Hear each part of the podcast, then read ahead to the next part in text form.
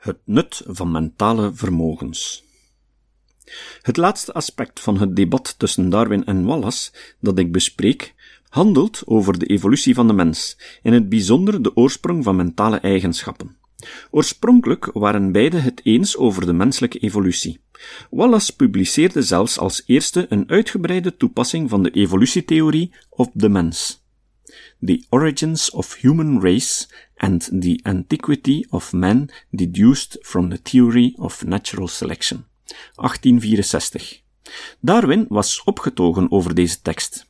Hij was het eens met Wallace's hoofdidee dat natuurlijke selectie gedurende de vroege ontwikkeling van de mens had ingewerkt op zowel lichaam als geest.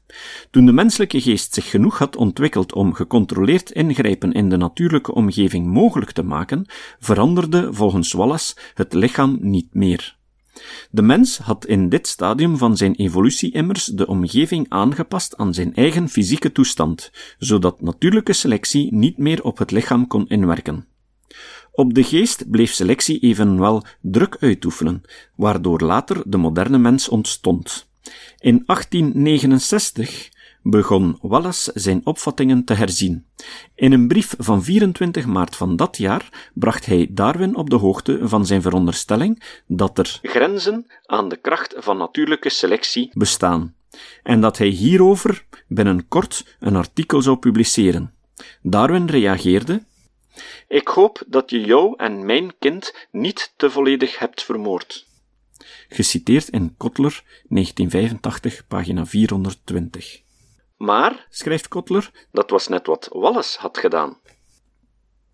Hij vervolgt: Wallace was tot de conclusie gekomen dat natuurlijke selectie bepaalde zuiver fysieke kenmerken niet kan verklaren, evenmin als de hogere intellectuele en morele eigenschappen van de mens. Hij beweerde dat een hogere intelligentie de wetten van de organische ontwikkeling in een welomschreven richting met speciale doeleinden had gestuurd om zo de mens te produceren. Pagina 420. Darwin was het hiermee totaal oneens. Natuurlijke selectie werkt niet doelgericht en maakt bovendien geen uitzondering voor de mens, voor zijn lichaam noch voor zijn geest. Precies dit standpunt echter, maar strenger toegepast, bracht Wallace ertoe voor de mens een uitzondering te maken, zoals ik straks zal uitleggen. In De afstamming van de mens, 1871, en Het uitdrukken van emoties bij de mens en dier, 1872, zou Darwin later uiteenzetten dat zijn evolutietheorie het ontstaan en de ontwikkeling van mentale en morele eigenschappen van mens en dier verklaart. Hij erkende de sterke ontwikkeling van de menselijke mentale en morele vermogens, maar beklemtoonde de gradualiteit van dat verschil. Mensen en dieren hebben immers een gemeenschappelijke afkomst. In De afstamming van de mens schrijft hij het is slechts onze aangeboren vooringenomenheid en die arrogantie die onze voorvaderen ertoe bracht te verklaren dat zij van halfgoden afstamden, die ons bezwaar laten maken tegen deze conclusie. Facsimile-uitgave, eerste druk, pagina's 22-23. Wallace's redenen om de mens als bijzonder te beschouwen hadden evenwel niet zozeer met arrogantie te maken, maar wel ten dele met zijn geloof, vanaf 1866 in het spiritisme. Darwin stond sceptisch tegenover het zogenaamde paranormale, maar weigerde, typerend voor zijn karakter en handelswijze, hierover een publiek standpunt in te nemen. In 1876 bijvoorbeeld had de jonge zooloog Edwin Ray Lancaster een spiritueel medium, Henry Slade, ontmaskerd en voor de rechter gesleept. Darwin stuurde Lancaster een felicitatiebrief en schonk hem 10 pond, ongeveer het toenmalige gemiddelde arbeidsmaandloon, om de gerechtskosten te betalen. De Engelse wet stipuleerde immers dat wie iemand voor de rechter daagde, daarvoor geld moest ophoesten.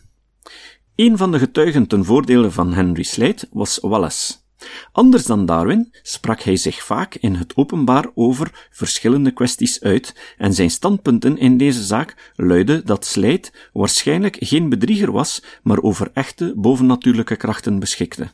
Darwin steunde Lancaster privé, Niet in het openbaar, maar hij verzocht zijn sceptische vrienden, onder wie Thomas Huxley, zich te verzetten tegen de verspreiding van dergelijk bijgeloof.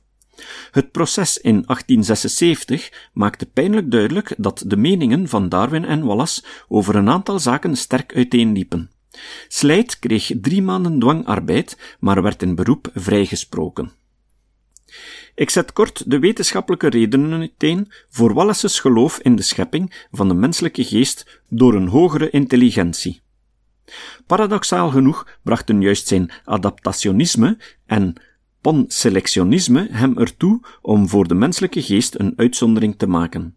Hij beschouwde mentale capaciteiten als een functie van het brein en nam aan dat de grootte en de vorm van het brein en van de schedel de mate van de ontwikkeling van mentale vermogens bepalen. Wallace geloofde dan ook in frenologie, die uit de vorm van de schedel het bezit van bepaalde eigenschappen meende te kunnen afleiden. Fossielen van prehistorische mensen, aldus Wallace, tonen aan dat hun brein en schedel niet verschilden van die van hedendaagse wilden, zoals de vuurlanders, noch van die van de beschaafde mensen, zoals de Engelsen. Aangezien mentale vermogens samenhangen met het fysieke brein, moeten ook de wilden, zowel in de prehistorie als nu, in staat zijn geweest tot hogere wiskunde. Het maken van abstracte redeneringen, de ontwikkeling van complexe morele opvattingen, enzovoort. Zijn adaptationisme bracht hem echter met deze conclusie in de problemen. Dergelijke mentale vermogens zijn voor de wilden immers volstrekt nutteloos. Hij schreef de mentale vereisten van de laagste wilden staan zeer weinig boven die van vele dieren. De hogere morele eigenschappen en die van het zuivere intellect en verfijnde emoties zijn nutteloos voor hen, manifesteren zich zelden of nooit en hebben geen verband met hun behoeften, verlangens of welzijn. Natuurlijke selectie zou de wilde slechts kunnen hebben uitgerust met een brein dat licht superieur is aan dat van een aap geciteerd in Kotler, 1985, pagina 422. Met andere woorden, alles moet in principe aan de hand van het mechanisme van natuurlijke selectie kunnen worden verklaard en als een adaptatie geïnterpreteerd. Aangezien dit, dacht Wallace, blijkbaar niet opgaat voor de mentale en morele vermogens van mensen, met name van de prehistorische en de huidige wilden, vormen die een uitzondering. Hier moet dus een hogere intelligentie aan het werk zijn geweest. Darwin noteert hierover in een eerste deel van De afstamming van de mens. De mens in de ruwste toestand waarin hij nu bestaat, is het meest dominante dier dat ooit op aarde is verschenen.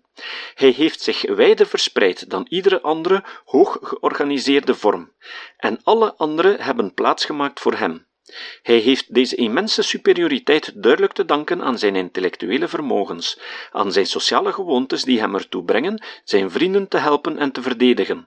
Door de vermogens van zijn verstand is gearticuleerde spraak geëvolueerd en hierop Vooral berustte zijn schitterende vooruitgang. Hij heeft wapens, werktuigen, vallen, etc. uitgevonden en weet ze te gebruiken. Hij heeft vlotten of kano's gemaakt om te vissen of om naar naburige vruchtbare eilanden over te steken. Hij heeft de vaardigheid van het vuurmaken ontdekt.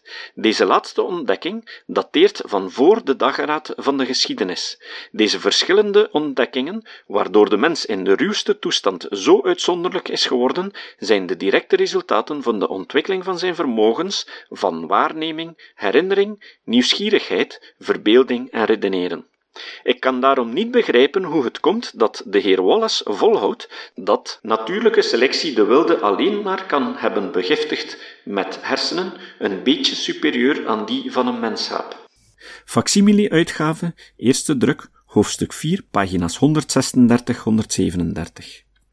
Net als Wallace ontwaart Darwin voor een aantal mentale eigenschappen geen adaptieve functie in de strijd om het bestaan.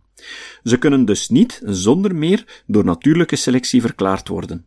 Maar aangezien hij, anders dan Wallace, geen panadaptationist was, zag hij zich niet verplicht om het bovennatuurlijke in te roepen waar natuurlijke selectie blijkbaar tekortschoot.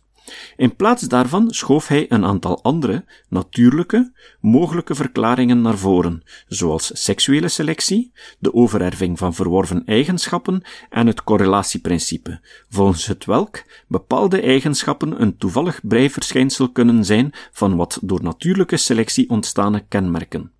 Zo bijvoorbeeld taal.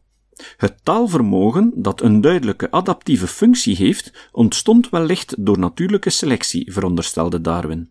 Eenmaal ontwikkeld konden echter ook andere zaken ontstaan die vanuit evolutionair perspectief niet functioneel en niet adaptief zijn.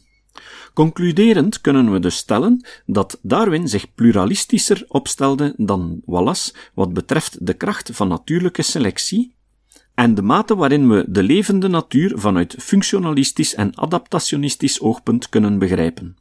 Wallace hield, ondanks zijn panselectionisme en adaptationisme, nog vast aan predarwinistische opvattingen, zoals het geloof in groepsselectie, in spiritualisme, in de werking van een hogere intelligentie in de natuur en in een teleologische werking van natuurlijke selectie.